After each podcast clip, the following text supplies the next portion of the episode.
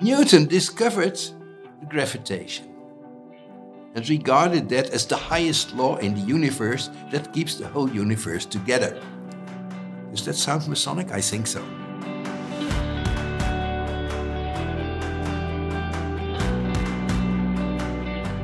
Welkom. Je luistert nu naar de 20ste aflevering van de Vrijmetselaars Podcast.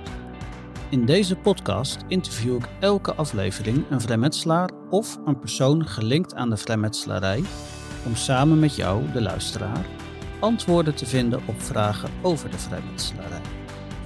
Op deze manier hoop ik een helder beeld te scheppen wat de vrijmetselarij nu werkelijk is en wat het niet is. In deze aflevering heb ik geen gast in de studio, maar wel iets speciaals voor jullie. Op 25 mei van dit jaar, 2023 dus, organiseerde Stichting OVN een internationaal symposium over masonieke geschiedenis en het belang van het Vrijmetselarijmuseum. Tijdens deze studiedag zijn er diverse lezingen gegeven.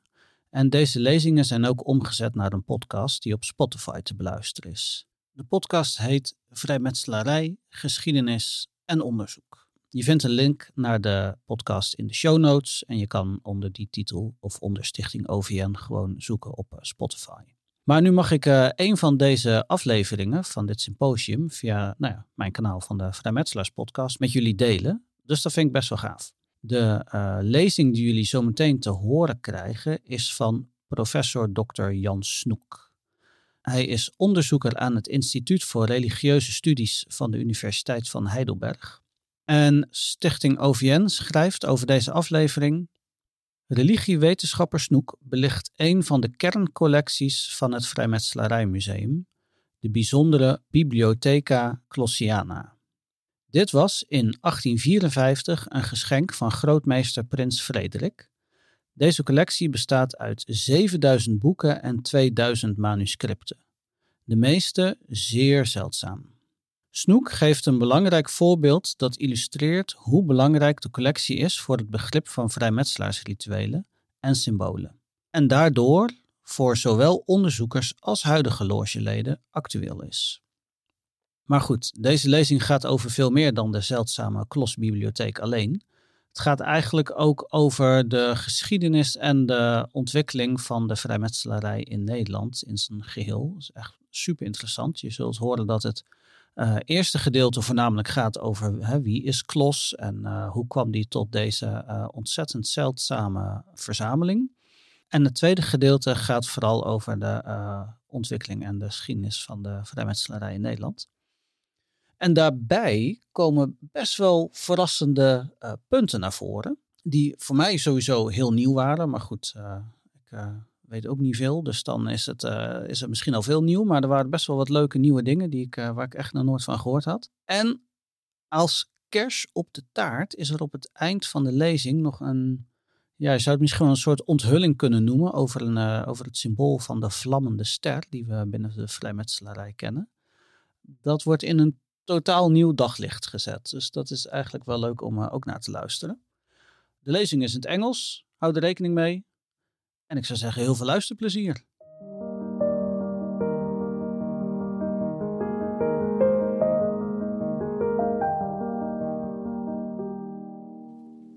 So, the Kloss Library, yes.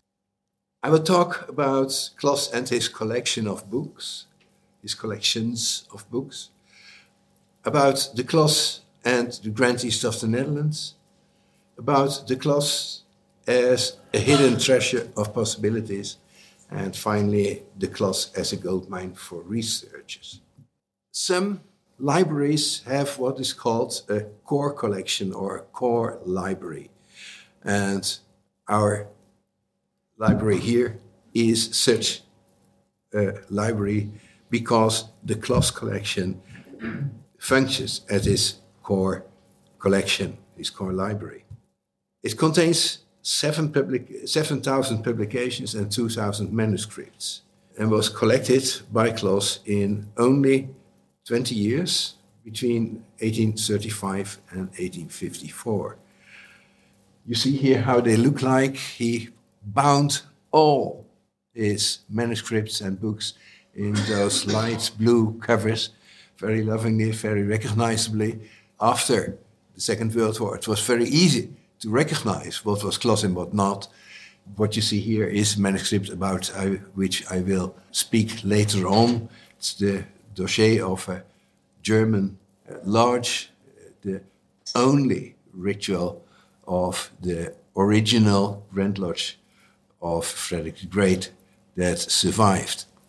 Kloss was an army medical officer in the Napoleonic Wars, but later he became a professor and head of an infectious disease hospital. But he was a scholar, trained as a scholar. He was also a collector of books, not only of Masonic books. He started after his study in medicine with medical dissertations. In 1820, he had collected 15,500 of them. Now, dissertations, then as now, being published in small numbers, collecting such an amount is something. He sold the collection in 1820 uh, to the newly founded University of Bonn and used the money for a new collection, which he then found more interesting, namely a collection of printed books from before 1536, the so called Incunabula. That collection was auctioned uh, in 1835. Uh, so, since 1820, that is 15 years, only 15 years. It was auctioned at Sotheby's in London, and the auction took 20 days. So large was the collection.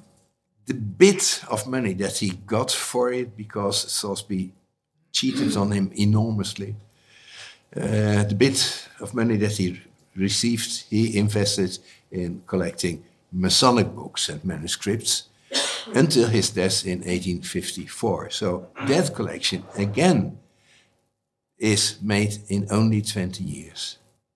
What is true for all three of his collections is that he made catalogs of all the items in it, that is, annotated catalogs. Each item was described not only with its title, but also what it was about, where it came from, etc., how he had found it, where, from whom he had bought it, etc. The whole stuff is in it, and uh, part of that is also found in, especially the manuscripts that we have now in the manuscript part of his collection. The first page or two pages are usually filled with notes by Kloss, Kloss' handwriting is a doctor's handwriting, very difficult, uh, especially the old German version. Uh, he, of course, wrote French just as well, and in the French manuscripts, he wrote his notes in French, and those are very good readable because his French handwriting is a normal handwriting, so to say. He was a Mason, he was a son of a Mason, so called Louis, and he was initiated when he was 18 in the famous Lodge zur Einigkeit in Frankfurt am Main, the lodge of his father. From 85 to 1812, he studied medicine in Heidelberg. Very important part of his life because that trained him as a scholar, which is really characterizing all the collections that he made. It was really scientific work what he did there. In, in 1812, he returned to Frankfurt and there got his third degree and developed as a very active and engaged Mason, became master of his lodge and even grandmaster of his grand lodge. And that not because he was a nice guy, but was because he really knew what he was talking about. The combination of an engaged Mason and a passionate collector of books is what resulted in the current Kloss what we lovingly refer to as the Kloss, so the Masonic library collected by Kloss. I said already, educated as a scholar at Heidelberg University, he became one of the best researchers of Freemasonry in his time. There are other German scholars uh, together building the elite among uh, researchers of Freemasonry in the first half of the 19th century. So he's one of the founders of the field. And it took half a century before the Quatuor Coronati Lodge of Research in London was founded. So we see we are here half a century before that. He also founded the basis for all good research in the humanities. That is, he based his research on documentary evidence and on documentary evidence alone. That was a firm statement that he made. And the problem was, of course, that those documentary evidence was not available in any library around. So he had no option but to collect those documents himself. And he was experienced in collecting documents. He knew how to do that, and he did it well. So, yeah, we do have uh, secondary literature in his library as well, but the center, which is the most important, are, of course, the manuscripts. In order to do this, in order to make such a collection, he corresponded, corresponded it with many people around, many people, especially in Northwestern Europe, in the Kloss alone, there are one and a half thousand letters by and to him, but there are many more known in other libraries, especially in Frankfurt, for example. There were at that time many more collectors of Masonic documents, uh, but not as rigorous and as fanatic as Kloss was. But he exchanged with and copied from each other. They, they all did uh, there weren't a copy machine, so they had to scribe copies. But in some cases, we have both the original and Kloss copy, because uh, one of his main sources was someone in Paris, André Le Rouge. And when Le Rouge died, his collection was auctioned, and Kloss bought quite a large part of that. And so we have then the originals of which he had already made copies partly, and you can compare them with each other, and then you will see that he did it very accurately. So his copies are very reliable. Most collected documents in his collection are from German or French origin, documenting German and French uh, Freemasonry, but there are other treasures as well, and I cannot sum up all of them the row would be too long. I just mentioned two as nice examples, in my opinion at least. We have the rituals of the Melissino rite, uh, rite which was created around the 1760s in uh, St. Petersburg by a Greek person who created there his own Grand Lodge.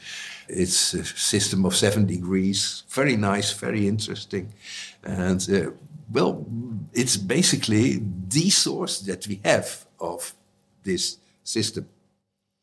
Also, there are rituals of two chapter degrees from Sweden, of which there are only other copies in Sweden, and for the rest, I don't know of any copies around in the world. Now, precisely this international scope makes the collection so valuable to the study of Dutch Freemasonry, because Dutch Freemasonry borrowed much from English, French, and German Freemasonry. You must realize that the Netherlands are having neighbors around British, Belgium, French, German, Swiss, Scandinavian, and in all those countries, anything in the direction of Western esotericism and Freemasonry was much of the time forbidden much of the, the time it was very dangerous to belong to those groups. But in the Netherlands, you were welcome and it was practiced openly. And above all, in the Netherlands, you could print freely whatever you wanted. So the Netherlands always played a central role in this whole field in the northwest of Europe. So we were in contact with this, this whole scope around us. The collection contains not only documents about Freemasonry, but also about what Kloss regarded related subjects, uh, such as religion, mysticism, Western esotericism, symbolism, architecture, knighthood, etc., etc. All those things, Rosicrucianism, of course, all this stuff you find in the Kloss library preferably original manuscripts, some really old. Kloss wrote books on the basis of the material that he collected. In the first place, of course, bibliographies. His Bibliografie, Bibliographie der Freimaurerei und der mit ihr in Verbindung gesetzte geheime Gesellschaften, 1844, was one of his first big works, very important, that have come more complete, more extended ones after him, but this is one of the first which is really reliable. Of course, we all know that Freemasonry came from British Isles, so he started also with a book about that in 1847, but his Magnus Opum was no doubt de Geschichte der Freimaurerei in Frankreich als echten Urkunden dargestellt. Uh, the history of French Freemasonry, two volumes. And he wrote a number of others. These are really standard works until today. Having experienced what happened with his Incunabula collection, which had been auctioned book by book, whereby the collection got lost. Yeah, it was lost to, to many, many different people, so it, the collection was broken. Uh, he decided during his life that after his death, his collection of Masonic books should be kept together because he regarded it as something that really belonged together, that formed a unity. So after his death in 1854, nobody could be found who was willing and capable to pay the price because it was, of course, a very valuable thing that he had collected. His heirs demanded no less than 3,000 Carolus guilders or 60,000 gold marks. Now, I don't know exactly how much that would be today, enormous amount. If you have some idea about one gold coin, the value of one gold coin today, you see that 60,000 of those. is really a big sum. At that time, Prince Frederick was Grandmaster since 1816. Prince Frederick was the son, or youngest son, of King William I. He had German ancestors. He had been raised and educated in Prussia. He had been initiated in Freemasonry in Berlin, so he had strong connections with Germany and German Freemasons. And when he got interested in this collection, he asked Maxim Grevel, a leading Prussian politician and Freemasonry, to negotiate in his place. He negotiated with Theodor Kloss, the son of George Kloss, the price paid in the end is unknown. We know how much was asked, but how much was paid in the end, we don't know. But it was a royal price, which is clear enough. Okay. In the end, the library came to the Netherlands, and we have just heard more about that. In 1866, Frederick was 50 years Grandmaster, and as he was used to. He did not so much receive presents at his birthday, he gave presents at his birthdays. Uh, especially at this, at his jubilee, he donated the Bibliotheca Klossiana to the Grand East of the Netherlands. It was moved to the Freemasons' Hall at the Fluwelen Burgwal in The Hague, which was also donated by him to the Grand Lodge 10 years before. Both are extremely valuable royal gifts, not only in, in sense of money, but especially in, in cultural values. The Freemasons Hall uh, was the most significant example of a Freemason Hall in the Netherlands, but is, as Andrea told already, regrettably lost. But we still have his second royal gift, the Kloss Library. In 1881, it was further enriched with Frederick's personal legacy. And the Kloss Library ranks the Grand East of the Netherlands and its museum among royal collections in Europe. And that comes with a responsibility for the Brotherhood to keep it in order, to encourage deeper understanding among members, foster experts, create curiosity, attract potential members, and dismantle prejudice. That's, of course, what we hope that it could do, but that demands work. Kloss started collecting his library two centuries, centuries ago.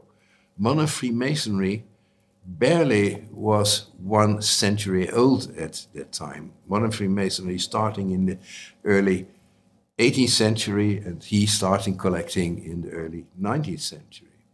Now we must realize that Western culture and Freemasonry with it changed enormously in the period between the French Revolution and the fall of Napoleon, 1789 to 1815.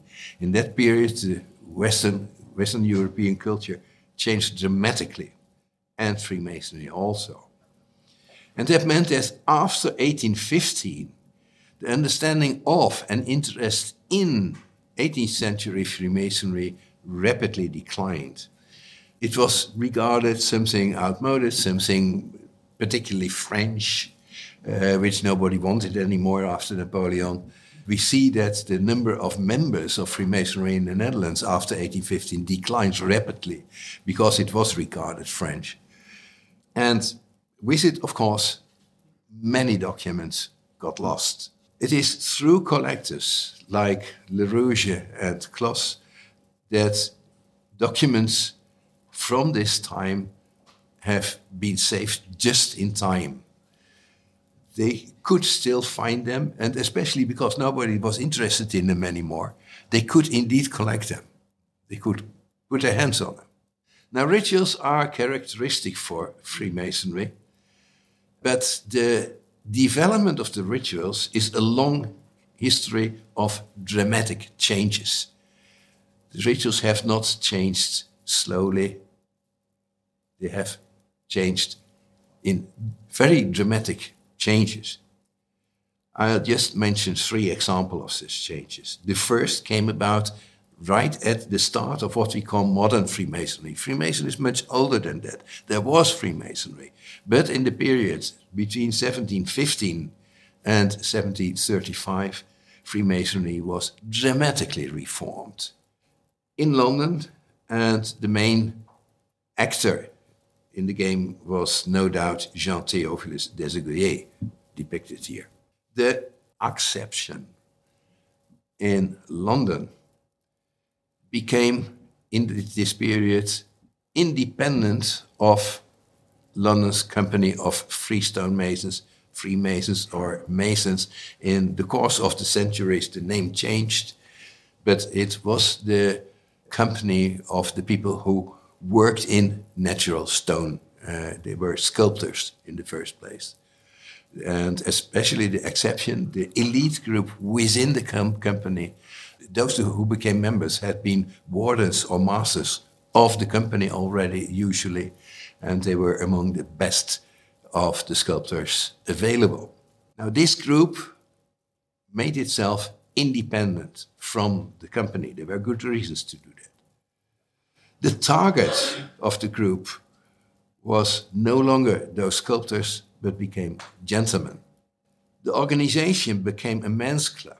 The grandmaster, a grandmaster was chosen, and thereby a grand lodge was formed. The constitutions were published, which for the first time excludes women. There had been Freemasons before the constitutions were published. The Hiramic myth, that at that time still a myth, not a legend, was written.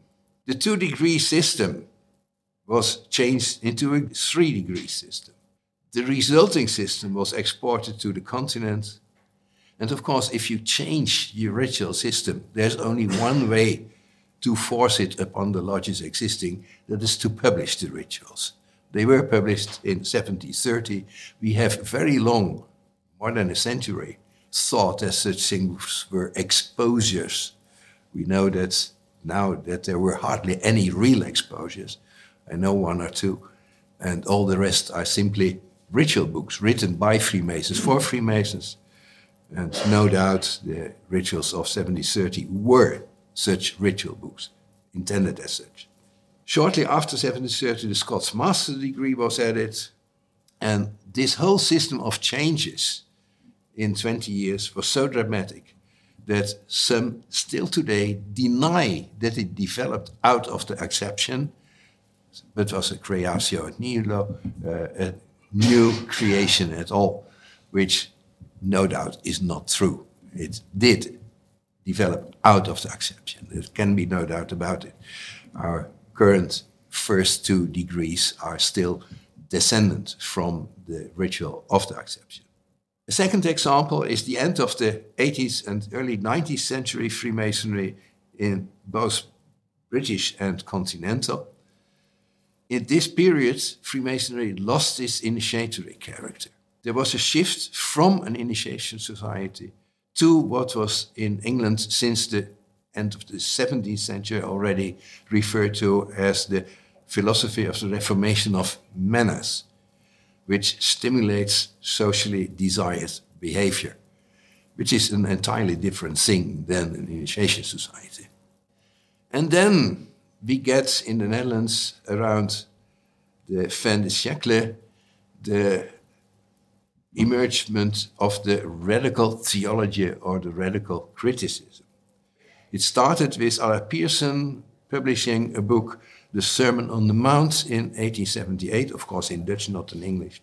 Uh, and it culminated when uh, Van den Bergh van Eysinga became a professor in theology in Utrecht in 1924. He was the most clear propagator of this radical theology and radical criticism.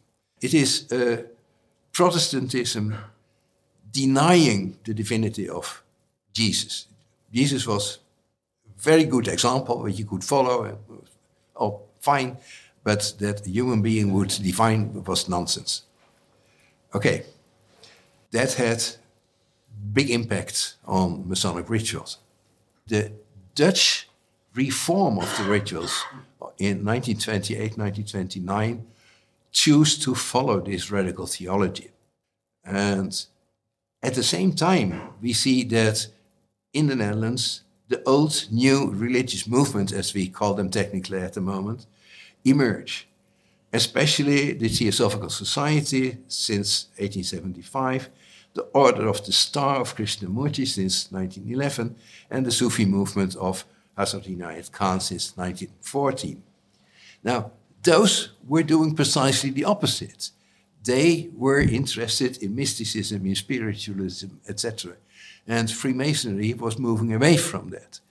And as a result, Le Droit Humain, the mixed order Le Droit Humain, which chose for this theosophical view, became a serious uh, alternative to the Grand East of the Netherlands. To such an extent that there came a, a point where so many members of the Grand East were also members of Le Droit Humain, and so influenced, influenced so strongly the Grand East Yet it was at the point of becoming mixed. Uh, the Grand East was at the point of becoming mixed. And had not the Second World War interfered, it might have happened. The secularization, the term which we use within Masonic Dutch Freemasonry regularly, we must be more secular, etc., is a theory developed by the social sciences of the 1970s. Within the branch of scholarship I belong to, the history of religions, we discovered that it was basically this uh, secularization of the 1970s, a move of membership from the churches to other meaning giving systems. The people did not get less religious, but they shook off the traditional church hierarchical, power oriented institutions and went to other systems. Of course, since the Grand East of the Netherlands stuck to this Protestant secular religion, many choose for the other uh, side. And since that time, the Grand East has difficulties in attracting members. The main addition of new members, so to say, came when Indonesia became independent and all the Dutch Freemasons from Indonesia came back to the Netherlands. But they were not new members, but there were more Freemasons in the Netherlands than suddenly. But since that time, it has gone down. It is doubtful that further secularization of Freemasonry would attract more members. I don't think so. The knowledge of Freemasonry as initiated, initiation society, in the sense of Desaguliers, how he had developed this system in the early 18th century, is among members of the Grand of the Netherlands practically absent. They have no idea how that looked like and what it is. Freemasonry was, in the 18th century, a new religious movement, so to say, offering best quality mysticism and spirituality. And they could do that again. And the Kloss contains information on that type of Freemasonry, how it could be. I'll give just one example of how valuable the Kloss library can be for a researcher like myself working on the development of Masonic ritual. Researchers know quite well how valuable the Kloss is. The example that I choose is the Cipher Document Copiale 3, Documents, manuscripts of 107 pages in cipher. 250 years it was unreadable. Nobody could read it. But in 2011, its code was broken, cracked. It was not in, in Latin, it was not in French, as was assumed. It turned out to be in German. It was known that it was created by the Oculist order in Wolfenbüttel which existed from 1742 to 1763. So, although the document was undated, it had to be from that period. In it, it mentions the Masonic booklets, ritual book, L'Ordre des Francs-Maçons from 1745, published in Amsterdam. So, it cannot be older than 1745. So, it was from between 1745 and 1763 but nobody could tell something more precise. So I was asked in 2011 if I could date it more precisely. Well, yes, I said I can, but then I have to compare it with other documents, well dated from that period, and see to what is it similar. I found only 12 such documents. I will not go into the reason why it are so few, rituals, German rituals from well-dated rituals from before 1764. And indeed, the Copiale 3 document describes a tracing board for the first and second degree. And the manuscript from the lodge uh, in Kniphausen, nobody will have heard of Kniphausen. It's, it's small, and the lodge existed only very shortly. It was created in 1751 and only a few years later, it was disbanded already, and its archi- archive was stored somewhere, and therefore could not get lost. And it's still there, and it is in the Kloss. It is the volume that you saw on my first sheet. And that document has a ma- matching picture to that description in the Copiale manuscript. And that picture is explicitly dated on its back two times as 1747. Now, it shows an unusual depiction, depiction of the blazing star. The two oldest descriptions of tracing boards are in the manuscript, usually referred to as Simon and Philip. And Martin has provided me with pictures of the pictures in this manuscript. One of those two pictures is, refer, is annotated as this is the form of the old lodge.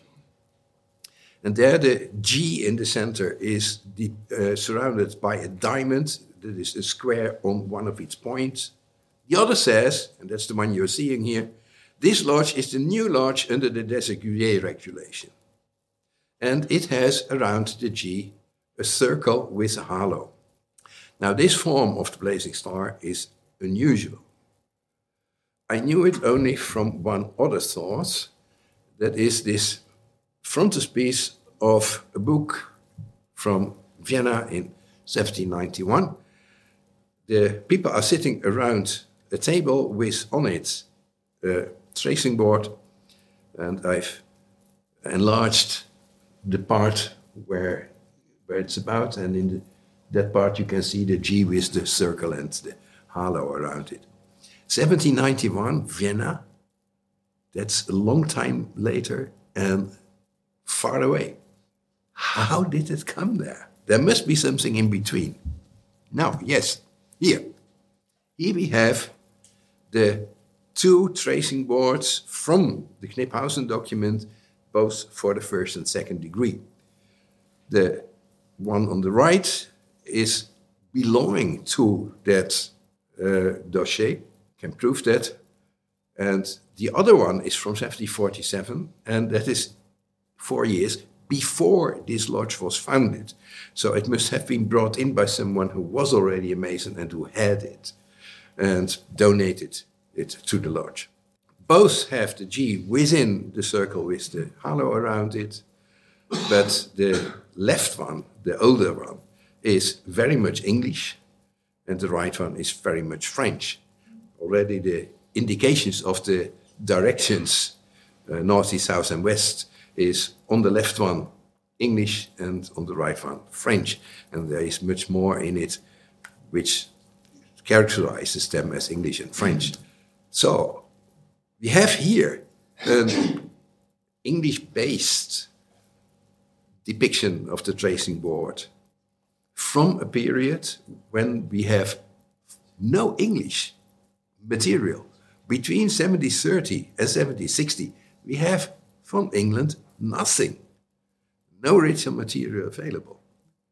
But we see here that apparently this Desaguliers form of the blazing star was in use in England because we know that the lodges in Germany in this period were very much English oriented, much more than French.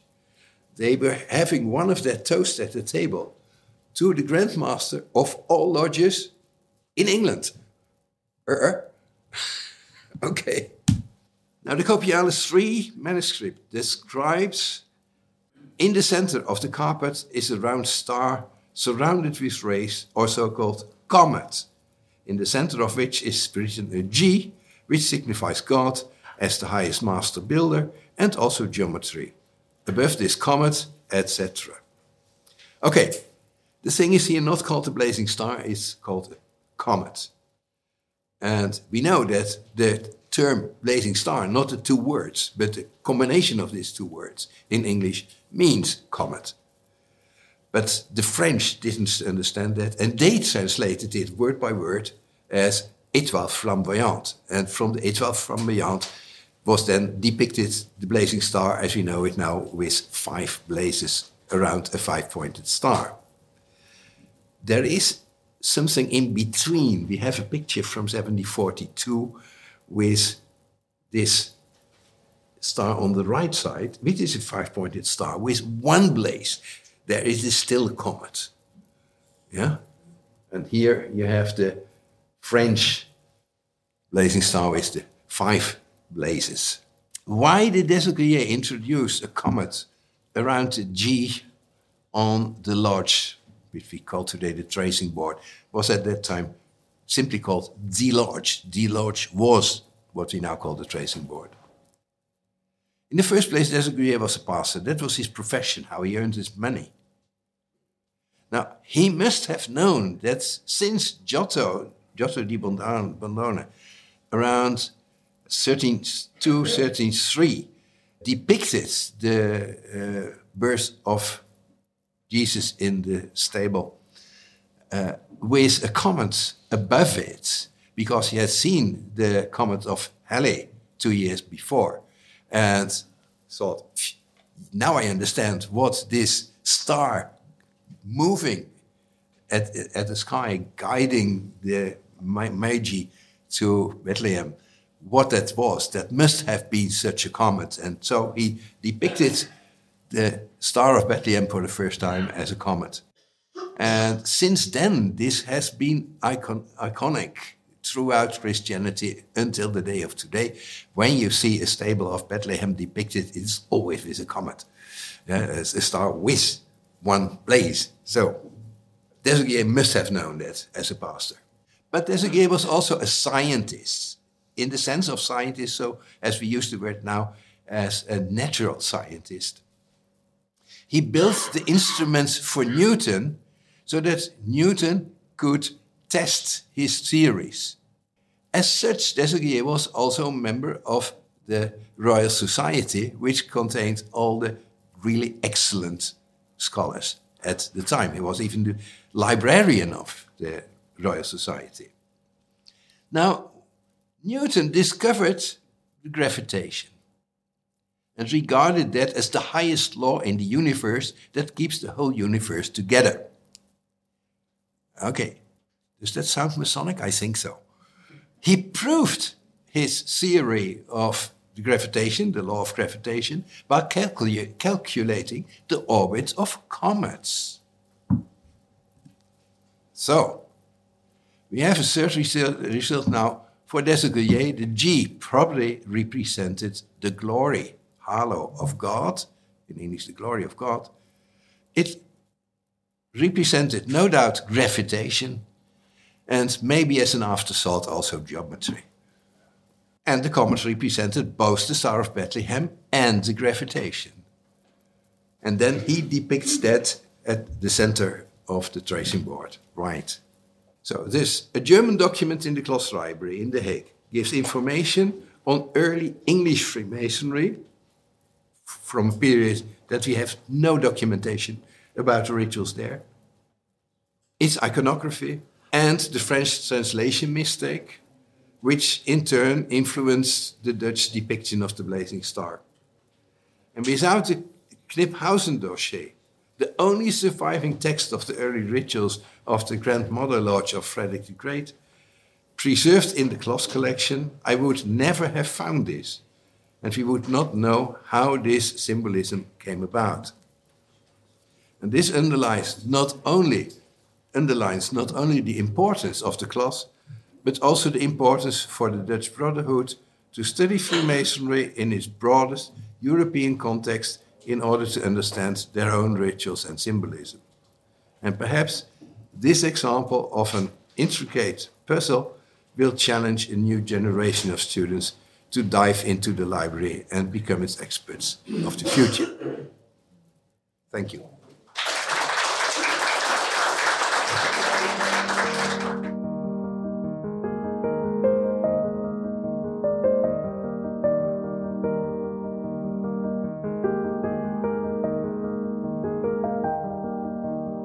Okay, dat was het dan. Ik hoop dat jullie het een leuke aflevering vonden. Met voor jullie ook nieuwe interessante dingen en onthullingen. En uh, nou, op het eind kwam de, de aap uit de mouw. De vlammende ster is eigenlijk gewoon een komeet. Volgens Jan Snoek. Dus uh, ben benieuwd. Misschien gaan we er allemaal eens anders naar kijken. De podcast van Stichting OVN heeft natuurlijk meerdere lezingen. Onder andere van professor Dr. Margaret C. Jacob uit Amerika bekend als uh, schrijfster van The Radical Enlightenment, Pantheist, Freemasons en Republicans. Zij vertelt over uh, haar onderzoek naar de verlichting. Er is ook een aflevering met Hendrik Bokdan van de Universiteit van Gothenburg uh, in Zweden. Hij is een religiewetenschapper en vertelt over de academische studie van de westerse esoterie. Uh, er is ook een aflevering met uh, professor Dr. Anders Eugène Warmebol van de Universiteit Libre de Brussel. Uh, Warmebol is eigenlijk archeoloog, maar hij heeft onderzoek gedaan naar logegebouwen in Egyptische stijl in België. Het is eigenlijk ook best wel leuk om te horen waar die Egyptische stijl nou eigenlijk vandaan komt. Er is ook een aflevering met professor Dr. Ab de Jong, Universiteit van Leiden, Nederland. Hij is uh, religiewetenschapper en heeft een aflevering over hoe de vrijmetselarij zich verhoudt tot religie. Dus ik hoop dat jullie het een uh, leuke en interessante aflevering vonden. Ik moest even denken aan uh, aflevering 18, waarin ik met Alfred het had over de verschillende soorten vrijmetselaars. En deze aflevering hoort dan misschien heel erg bij de, de historici. Een van de soorten vrijmetselaars waar, waar hij het over had. Maar ik denk dat het voor, uh, voor iedereen echt interessant is. Ik heb er heel veel van geleerd en ik vond het heel erg leuk om hier naar te luisteren. En ik hoop eigenlijk ook dat jullie het uh, heel leuk vinden. En volgende maand hebben we echt weer een totaal ander onderwerp. Bedankt voor het luisteren en tot volgende maand. Bedankt voor het luisteren naar deze aflevering van de Vrijmetselaars podcast. Mocht je vragen of opmerkingen hebben of me gewoon een berichtje willen sturen, dan kan dat via Instagram. Zoek op Vrijmetselaars Podcast. Via Facebook zoek op Broeder Sander. Of stuur me een mailtje op sander.outcastmedia.nl